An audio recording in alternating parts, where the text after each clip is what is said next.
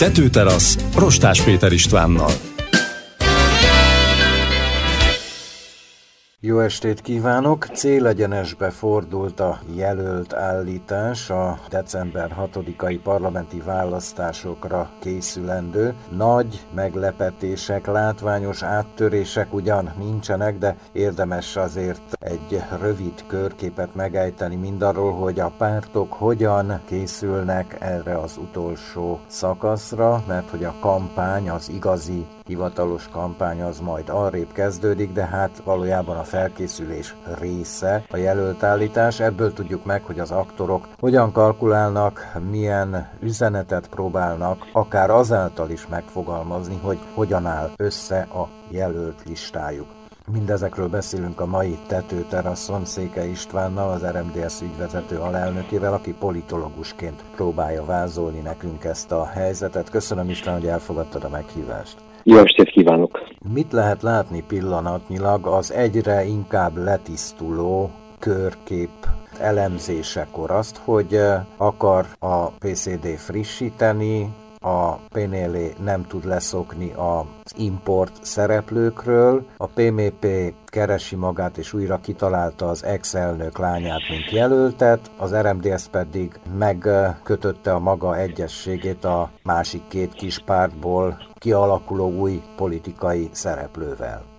Én azt mondanám, hogy semmi új nincs a nap alatt. Tehát most is azok a mozgások, azok a jelölési elvek határozzák meg a pártokat, amelyeket eddig is megszoktunk. Különbség talán annyi, hogy most ugye más a várakozás, már mint a parlamenti választások eredménye kapcsán megfogalmazott várakozás, és ez hát jelentős mértékben átrendezi a politikai erővonalakat, illetve a koronavírus témája az az egyre gorombuló napi számokkal kapcsolatban továbbra is nagyon erősen meghatározza a politikai napirendet. Tehát ugye Romániában az egyik rákfenéje az elmúlt 30 évnek ez a pártváltás, a képviselők, politikusok, polgármesterek átülése az egyik pártból a másikba, és azt látjuk, hogy ezt a választók tulajdonképpen nem szankcionálják. Tehát ugye az egyik megoldás az lenne ez ellen, ugye, hogy akkor a választók nem szavaznak bizalmat azoknak a politikusoknak, akik folyamatosan pártokat cserélnek. A másik pedig ugye hát a törvényi szigorítása a pártokból való átülésnek, ugye ezt a maga liberális párt vetette fel többször is az elmúlt években. Na most a pártok részéről azt nem lehet elvárni, tenni, hogy ne éljenek ezzel a lehetőséggel, hiszen úgy tűnik, hogy ez működik. Tehát a pártok egyszerűen nem egy politikai ideológia mögé keresik a legjobb képviselőt, nem a saját mondani valójuk minél hitelesebb képviseletére keresik őket, hanem megnézik, hogy egy adott körzetben, kerületben ki az esélyes jelölt, ki tudja hozni az illető kerületet. Ugye általában azért minden egyes kerületre nagy pártok közvéleménykutatást végeznek, és megpróbálnak kiegyezni azzal a személlyel, akik hát végül is legerősebbek az adott körzetben. Így van ez ugye minden nagy párt esetében is, csak mindezelőtt négy évvel ugye a győzelemre, pontosabban az az elvárás, ami a 2016-os parlamenti választásokkal volt kapcsolatos, az a szociáldemokrata pártot érintette, most pedig a közvélemény liberális pártot várja a választások győztesének, és itt azért fontos Johannis szerepe is, aki többször is elmondta, hogy nem lehet a választásoknak egy olyan eredménye, ami őt arra kötelezni, hogy a szociáldemokrata pártnak adna bizalmat. Mindeközben István azért, amit utaltál, hogy a közbeszédet tematizáló politikusoknak gondja lesz a koronavírussal. Most ez a válság helyzet kezelés vagy nem kezelés mennyire fogja az aktuális esélyesebb Pénélé tábor adatait, eredményét árnyali, mert most még ott tartunk, hogy most gyalogolunk bele, vagy rohanunk bele a második hullámba. Mennyire fog ez a történet lefaragni a továbbiakban abból a az előnyből, amelyet az eddigi felmérések azért mégiscsak hoznak. Nem tetemes előny, de egy stabilnak mondható különbség a PCD és a PNL között. Ezt nem tudjuk, azonban az egészen biztos, hogy Johannisnak igaza van abban, hogy nem lesz a választásnak olyan eredménye, ami őt arra kötelezné, hogy a PCD számára adjon kormányalakítási megbízatást. Az alkotmány ilyen szempontból egyértelmű. Abban az esetben köteles az elnök a választásokon győztes pártnak adni kormányalakítási megbízatást, ha az átlépi a mandátumok 50%-át. Na most Romániában egy arányos választási rendszer van. Ebben 90 óta, ugye amikor a hazafias megmentési front kapta talán 70%-át a mandátumoknak, vagy talán a még ennél is többet, azóta egyetlen egy olyan választás sem volt, hogy egy párt vagy akár koalícióban ugye a választási koalícióban átlépi az 50 ot Tehát én azt se zárom ki, hogy a szociáldemokrata párt behozza azt az előnyt, amit most mérnek a közvéleménykutatók a liberális párttal szemben, hiszen valóban ez a, hát a koronavírussal kapcsolatos történések mindenféleképpen a kormány megítélésén rontanak, de még ez sem elegendő ahhoz, hogy a szociáldemokrata párt alakítson kormányt, főleg olyan esetben, hogy a potenciális szövetségesei is gyengélkednek. Én csak azért hoztam fel ezt az átüléses történetet, hiszen ugye egyrészt az önkormányzati választások előtt is azt láttuk, hogy a győztesre való húzás egy nagyon erős elv. Több mint 500 polgármester ült át a liberális pártba közvetlenül a választások előtt, tehát az utolsó fél évben, és ebből 225 a szociáldemokrata pártból ült át. Tehát ez az átüléseknek a kérdése, ez folyamatos, és annak ellenére ugye, hogy mint mondottam, a liberális párt fogalmazott meg évekkel ezelőtt egy törvénytervezetet az átülések megtiltására, azt mondta, hogy hát elveszíti a mandátumát az a személy, aki átül. Na most ezt azért tudjuk, hogy ez alkotmány ellenes megoldás lenne, hiszen azért egy választáson szerzett parlamenti mandátumot nem lehet elvenni az illető személytől, hiszen ez a nép választók felhatalmazása okán kapta. Tehát ugye két elvet említettem, az egyik ugye ez a győztesre való átigazolás, amit azért látunk, és amit hát ugye éppen mai hír, hogy a Nemzeti Liberális Párt listáján második, azaz befutó helyen szerepel egy olyan személy, aki eddig hat pártban fordult meg. Ebből az elmúlt négy évben a liberális párt, ahol most átült a negyedik a listán, hiszen PMP, PCD, Pro Románia, PNL útvonalon négy év alatt négy pártot váltott. Most a másik elv, amiről ugye szó van, ez a parlamenti választásoknak a napirendje. Melyek azok a kérdések, amelyek most foglalkoztatják a választókat, és kétségtelen, hogy a koronavírus ugye hát a sokkal erősebb jelenkezése, vagy sokkal rosszabb számok, mind a tavasszal, kétségtelenül a koronavírus járványjal kapcsolatos történéseket azért a politikai napirend fősodrába hozzák.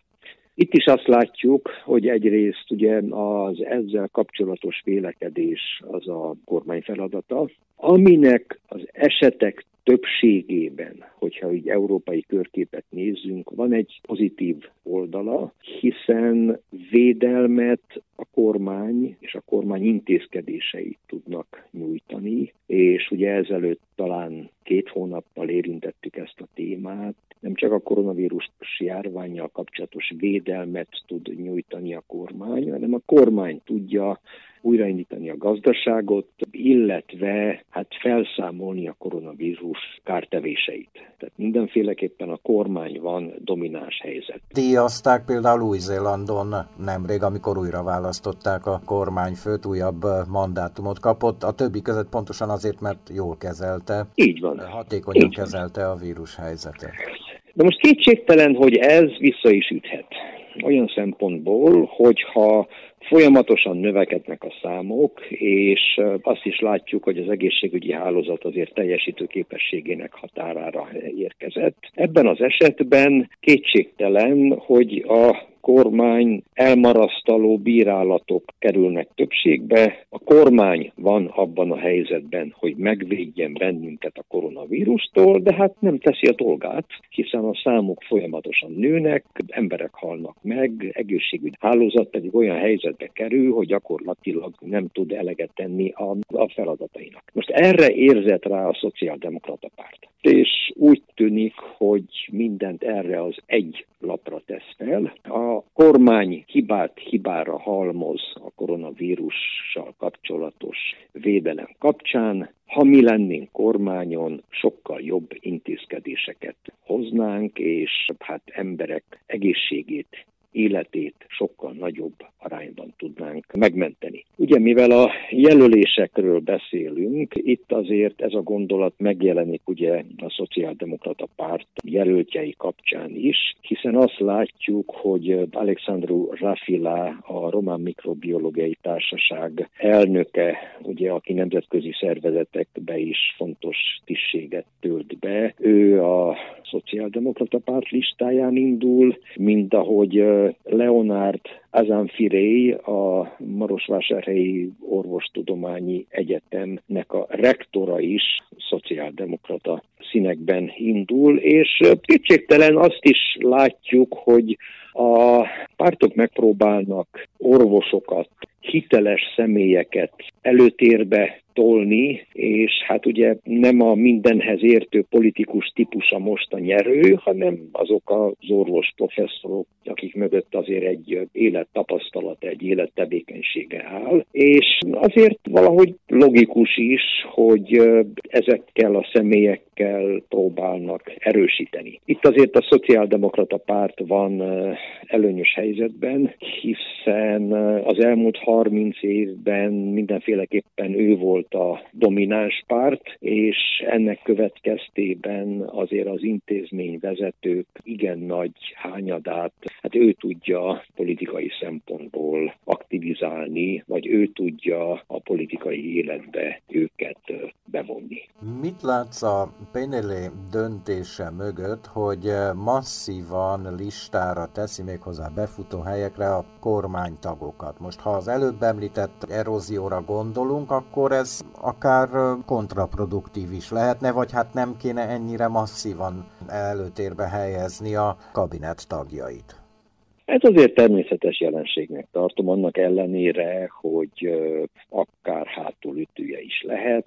Ugye egy parlamenti listán való, befutó helyen való szereplés elsősorban egy hatalmi kérdés. Tehát a párton belül kik azok a személyek, akik rendelkeznek olyan politikai hatalommal, hogy felkerüljenek a saját pártjukra befutó helyen a listára. És kétségtelen, hogy kormánytagok ilyen szempontból előnyben vannak, hiszen egy hatalmi képlet tekintetében egy hivatalban levő miniszter mindenféleképpen nyerő pozícióból indul. De most van ennek azért egy választások szempontjából azért kedvező vetülete is, vagy akár több is. Hiszen a legfontosabb kérdés egy politikusnál az az ismertség. És azok a személyek, akik, akik nem, hát hogy úgy fejezzem ki magam, mezei képviselők, akik legtöbb egy-egy interpelációval, vagy egy felszólalással tudnak bekerülni a médiába, azért egy miniszter napi tevékenysége már elegendő ahhoz, hogy az illető személynek egy kiemelt ismertség ismertsége legyen, és az ismertség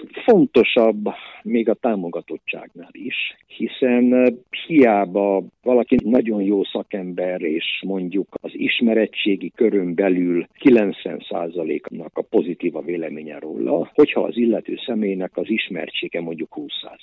Tehát egyszerűen legfontosabb az ismertség, és az azon belül értelmezhető a támogatottság. Tehát ilyen szempontból egy hivatalban levő miniszter kétségtelen előnyel indul. Van egy másik érdekes szempont is. A szakirodalom ezt úgy nevezi, hogy tételezett karizma. Van egy ilyen népi szólás, mondás, ami szerint, ha az Isten hivatalt ád, akkor észt is ád melléje. Ez azt jelenti, ugye tételezett karizma, hogy az a személy, aki betölti az adott pozíciót a közvélemény szemében automatikusan rendelkezni fog azokkal a tulajdonságokkal, ami szükségesek az adott pozíció betöltéséhez. Tehát, eh, hogy mondjam, ha valakit kinevezünk miniszternek, akkor a közvélemény döntő többsége, aki mondjuk nem napi 12 órát foglalkozik belpolitikával, és nem látja az illető személynek a tevékenységét, de ha azt hallja, hogy XY miniszter, akkor az első reakciója az, hogy hát biztos, hogy rendelkezik azokkal a képességekkel, ami szükséges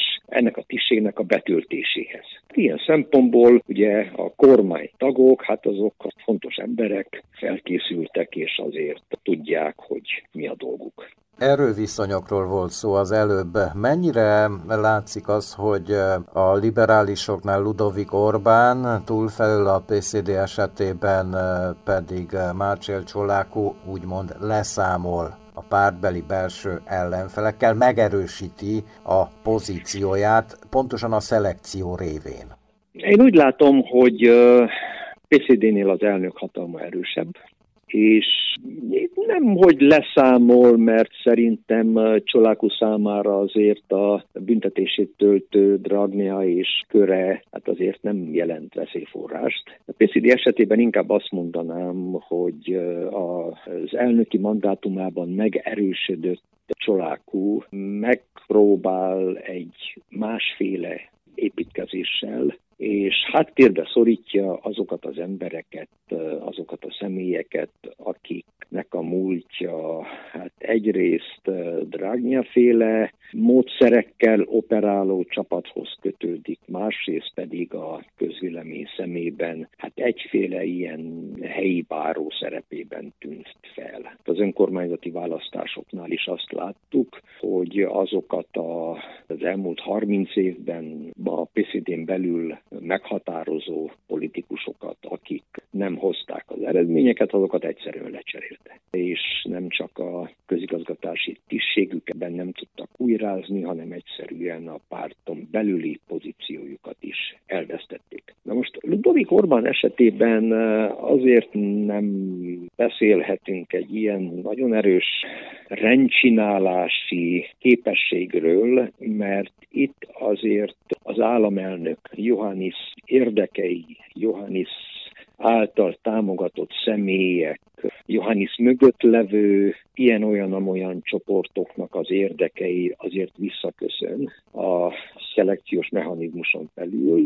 Több olyan személy is van, aki a liberális párt listáin való előkelő helyet inkább a Johannisnak való megfelelésnek köszöni, ugyanakkor hát a liberális párt az erő viszonyok szempontjából is összetettebb. Ugye ott van egy egészen erős csoportosulás, aki a választások után nem Ludovik Orbánnal szeretné folytatni, és ezek befolyása, akarata ellenében elsősorban Johannis támogatottsága miatt azért Ludovik Orbán is csak óvatosan tud szembe menni. Kétségtelen, hogy a hivatalban levő elnök azért a közvetlen munkatársait, saját jó embereit helyzetben tudja hozni, de azt a típusú kizárólagosságot, vagy azt a típusú erőt, amit ugye a, a PCD-nél látunk, azt szerintem Orbán nem tudja gyakorolni, elsősorban Johannis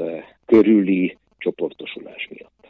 Uszere plusz belső birkozás, mondhatnánk azt, hogy mikropolitikai szkanderezés, aminek helyenként az a benyomásom, hogy a plusz a nyertese, és hogy korán sem sikerült az egyesítés akkor még fennálló feszültségeket megoldani azzal, hogy együtt megy tovább ez a két politikai szereplő. Most kibuktak újfent ezek a feszültségek. Mennyire látszik úgy, hogy megviseli a párt megítélését és hát esélyeit ez a jelöltállítás körüli nem elszórt, hanem mintha úgy tűnik, hogy nagyon sok helyen felbukkanó skandallum vagy elégedetlenség. Igen, ez kétségtelen így van, és talán a két párt hatalmi kötélhúzásán túl én talán azt tartom a legfontosabb szempontnak, hogy az USZRé most egy eléggé jelentős átalakuláson megy keresztül. Tehát azért, hogyha úgy visszagondolunk az elmúlt évtizedekre, akkor ugye azt látjuk, hogy azok a pártok, amelyek főleg mozgalmakból szerveződtek, nem professzionális politikusokból, hanem a civil szérából és egy-egy ügy kapcsán. Ugye, hogy például magyarországi példákkal éljek, ilyen volt a lehet más a politika, ami a nevében is ugye felvállaltan egy más politikai vonalvezetést ígért, és ugye milyen volt a Momentum, amelyik a kormánynak az olimpiával kapcsolatos elképzelései köré szerveződött. Van egy maroknyi civil aktivista, amelyik tényleg beáll egy ügy mögé, azt a saját eszközeivel végigviszi. Ilyen volt ugye elsősorban az USZRÉ plusz az egy más történet. Elsősorban az uszéré, emlékezzünk vissza, kezdődött valamikor Verespatakkal a történet.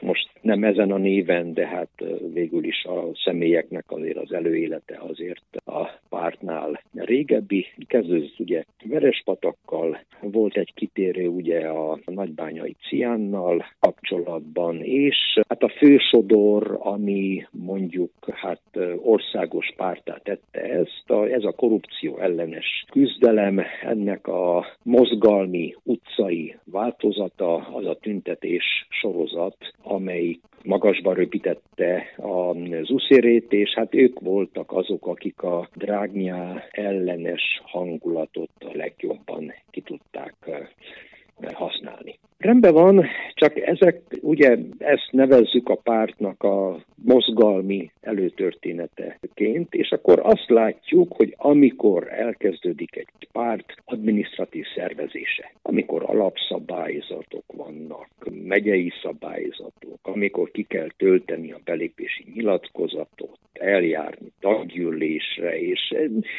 akkor megjelenik egy ebben jártas tehát nem a civil világból származó, hanem elsősorban adminisztratív képességekkel rendelkező személyi kör, amelyik jó esetben ki tudja a mozgalmárokat szorítani. Tehát ugye Magyarországon a lehet más a politika kapcsán azt láttuk, hogy nem nagyon lehet más, hiszen ugye a főszabály azt mondja, hogy vagy képesek vagyunk egymagunkban megváltoztatni a politikai játékszabályait, vagy pedig azok alapján kell eredményt felmutassunk, amelyek vannak. És ilyen szempontból ugye a lehet más a politikáról kiderült, hogy nem lehet más. Az uszéré pedig hát egyszerűen azzal szembesült, hogy egy bukaresti parlamenti párttal kapcsolatos politikai élet nem úgy szerveződik, mint ahogy azt a civil aktivisták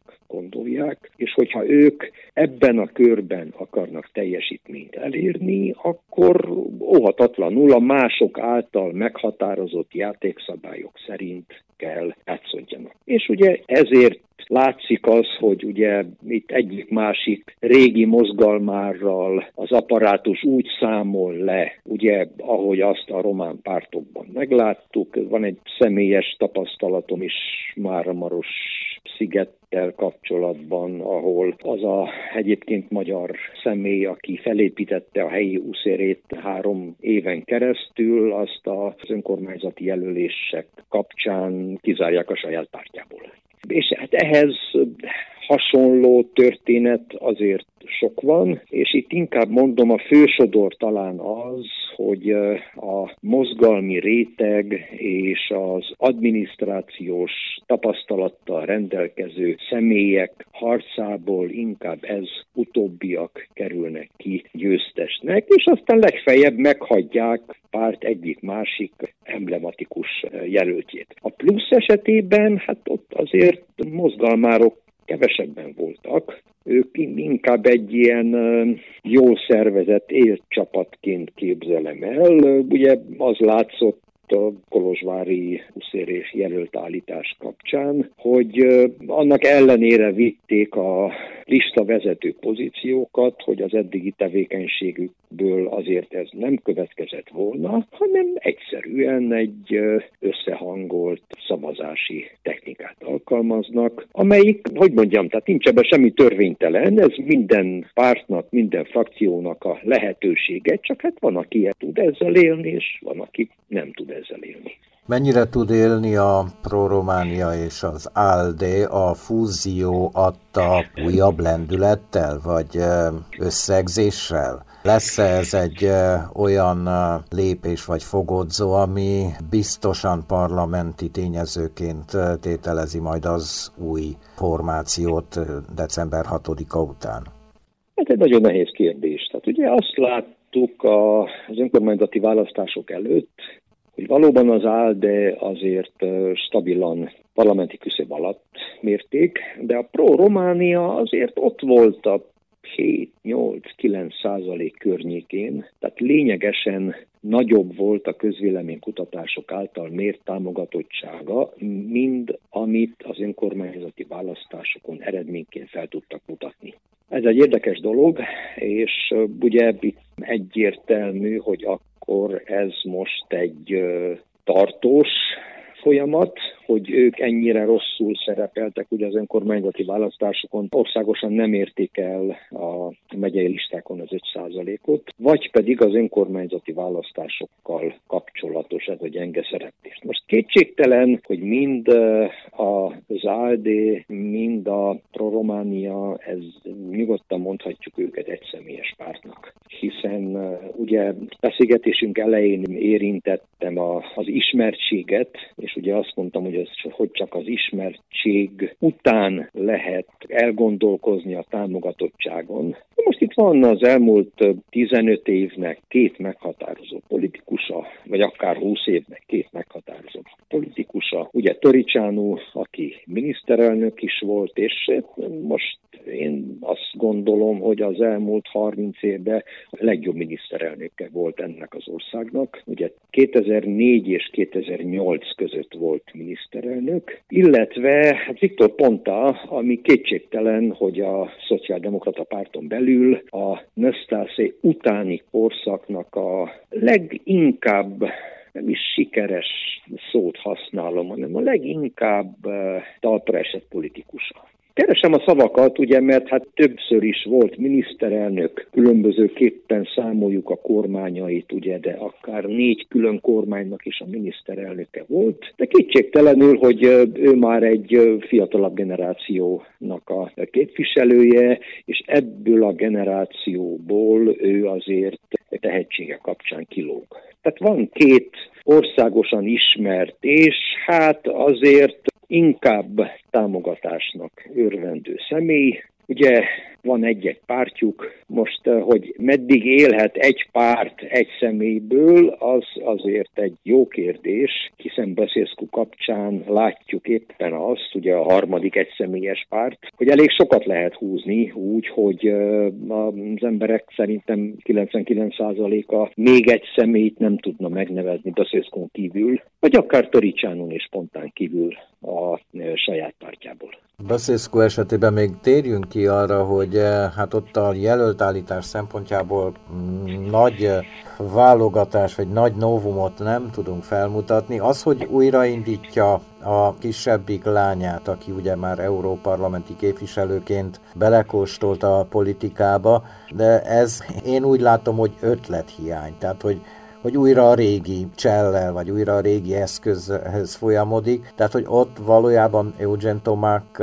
alatt ez a formáció nem tudott promoválni olyan arcokat és olyan szereplőket, akik pregnánsan meg tudnák jeleníteni például a PMP-t, mint opciót. Így van, és azért azt is látjuk, hogy hiába Tomák a hivatalban levő elnöke a pártnak, mindenki Beszészkú pártjaként gondol erre a szervezetre, és hogy Tomák kicsoda, hát neki elsősorban az ismertségével vannak nagyon komoly gondok. Most persze Beszészkú lánya európai parlamenti képviselő lett, emlékezzünk vissza, ő akkor államelnökként a demokrata pártot támogatta, és hát ugye szerette volna, hogy a lánya európai parlamenti képviselő legyen, a pártban ezt többen nehezményezték, ekkor megsértődött, úgymond, és független képviselőként indította el lányát, és kapott valami három és fél százalékot, amivel be is került az Európai Parlamentbe független képviselőként. Na most az is egyértelmű, hogy ez egy technikai kérdés volt, mármint ennek a, hogy mondjam, lebonyolítása, és nem arról van szó, hogy a lánya rendelkezik egy olyan elismertséggel, egy olyan karizmával, aminek következtében azért több százezer személy rászavazott.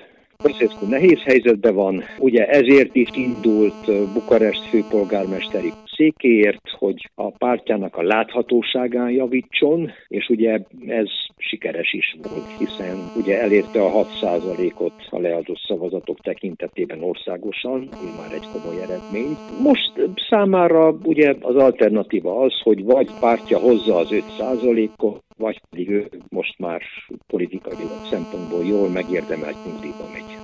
RMDS, ne hagyjuk ki a körképből a szövetséget. Volt három egyeztetés a múlt héten, ennek eredményeként kialakult egy olyan konstrukció, amely tulajdonképpen az ezelőtt négy évi receptnek a másolata. Mégis mi az, ami árnyaltabbá másként értelmezhetővé teszi a jelenlegi helyzetet?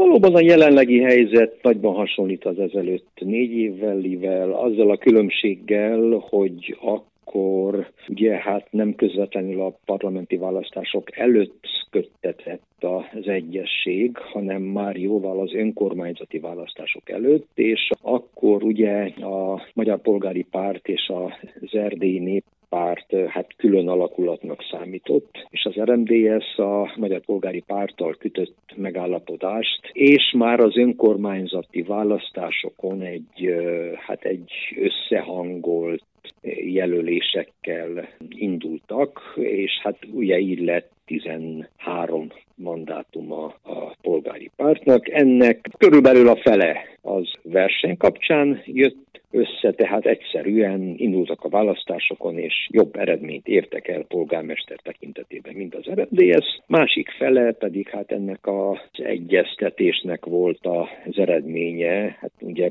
egy példát mondjak, például az RMDL Gyergyós Miklóson nem állított jelöltet, hanem azt mondta, hogy akkor maradjon a Magyar Polgári Párt polgármestere. Azóta megtörtént egy közeledés az RMDS ellenzékét képező két párt között. Ők egyféle fúziót is összehoztak. Ugye első körben egy választási párt vagy választási együttműködést kötöttek az önkormányzati választásra, Erdély Magyar Szövetség címen, és hát jogi értelemben még ezt a fúziót nem vezényelték le, de hát várható az, hogy ezt is megvalósítják. Na most az RMDS tudomásul véve, hogy a két kis párt együtt kívánja folytatni, kettőjükkel kötött egyességet, és hát az eredményét tekintve ugyanúgy két mandátumot engedett át számukra, mind ezelőtt négy évvel, és hát ez is a Székely megyéket érinti, már mint Hargita Kovászna Marost, ugye beleértve ide a szorvány képviselőit is, hiszen ott van olyan nagyszámú befutó hely, hogy abból azért sokféle igényt ki lehessen elégíteni. Láttam a fiataloknak a reakcióját, Olgyán Csongor billegő, tehát egy mondjuk úgy, hogy félig beváltható mandátumra esélyes. Most azt tekintetbe véve, hogy ő az EP jelöltek versenyén is indult, és ott is a dobogó peremén végezte. Ez a mostani helyzet mennyire lehet frusztráló, vagy, vagy ez arról szól, hogy a hogy négy év múlva bekövetkező jelöléskor, akkor ő már befutó, vagy ő, vagy akár a bármelyik ifjúsági jelölt? Ez egy, ez egy nagyon összetett kérdés, ugye hogyan definiáljuk az ifjúsági képviselőt. Hiszen ugye azt látjuk, hogy az ifjúsági szervezetnek a korábbi elnöke, ugye, az Hargita megyei szenátusi lista vezető. Azt látjuk, hogy az ifjúsági szervezet néhány évvel ezelőtti markáns képviselője már a Maros megyei listát vezeti, és hát azért sok további olyan képviselő vagy szenátor van, aki ebből a körből került ki. Tehát az, hogy úgy beállítani, hogy az ifjúsági szervezetet most mellőzte az RMDS, hát ez nem tartom ilyen szempontból egy korrekt megállapításnak, hiszen valóban az ifjúsági szervezet országos első embere most nem került befutó helyre, vagy egyértelműen befutó helyre, de hát kétségtelen, hogy az RMDS pozícióban levő személyeinek azért lassan egyharmada már az ifjúsági szervezetek köréből került ki, és nem ezelőtt 20 évvel vagy 30 évvel, hanem az elmúlt években. A másik kérdés az, hogy ugye jövő tavasszal lesz az RMDS-nek egy kongresszusa. Ennek hát talán a súlypontja az a programalkotás és az alapszabályzat újragondolása lesz, hiszen ez nem lesz elnökválasztó kongresszus. Az RMDS elnökét négy évente választják, de az RMDS két évente tart kongresszust, és ott ezt a kérdést újra lehet gondolni, és lehet alapszabályzatilag rögzíteni ugye egyrészt az ifjúsági szervezet képviseletét, de hát ilyen igény megfogalmazódott a nő szervezet részéről is. Ezelőtt négy évvel annyit tettünk, hogy a szorvány képviseletét rögzítettük az alapszabályzatban, ami szerint ugye a parlamenti képviselettel nem rendelkező szervezetek javaslatára egy szorvány képviselőt befutó helyen fel kell tenni valamelyik nagy megyében a listára. Széke István, köszönöm a beszélgetést. Visszatérünk még erre a kérdésre, mindaddig, amíg a minket, a munkánkat behatároló törvényi rendelkezések megengedik, mert hogy a kampány velejében erre nem tudunk sort keríteni a tetőteraszon. Még egyszer köszönöm, hogy erről beszélgethettünk. Én is köszönöm a figyelmet. Tetőterasz holnap 6 óra 5 perctől szintén itt a Kolozsvári Rádióban. Rostás Péter Istvánt hallották. Tetőterasz. Felülnézetből, de nem felszínesen.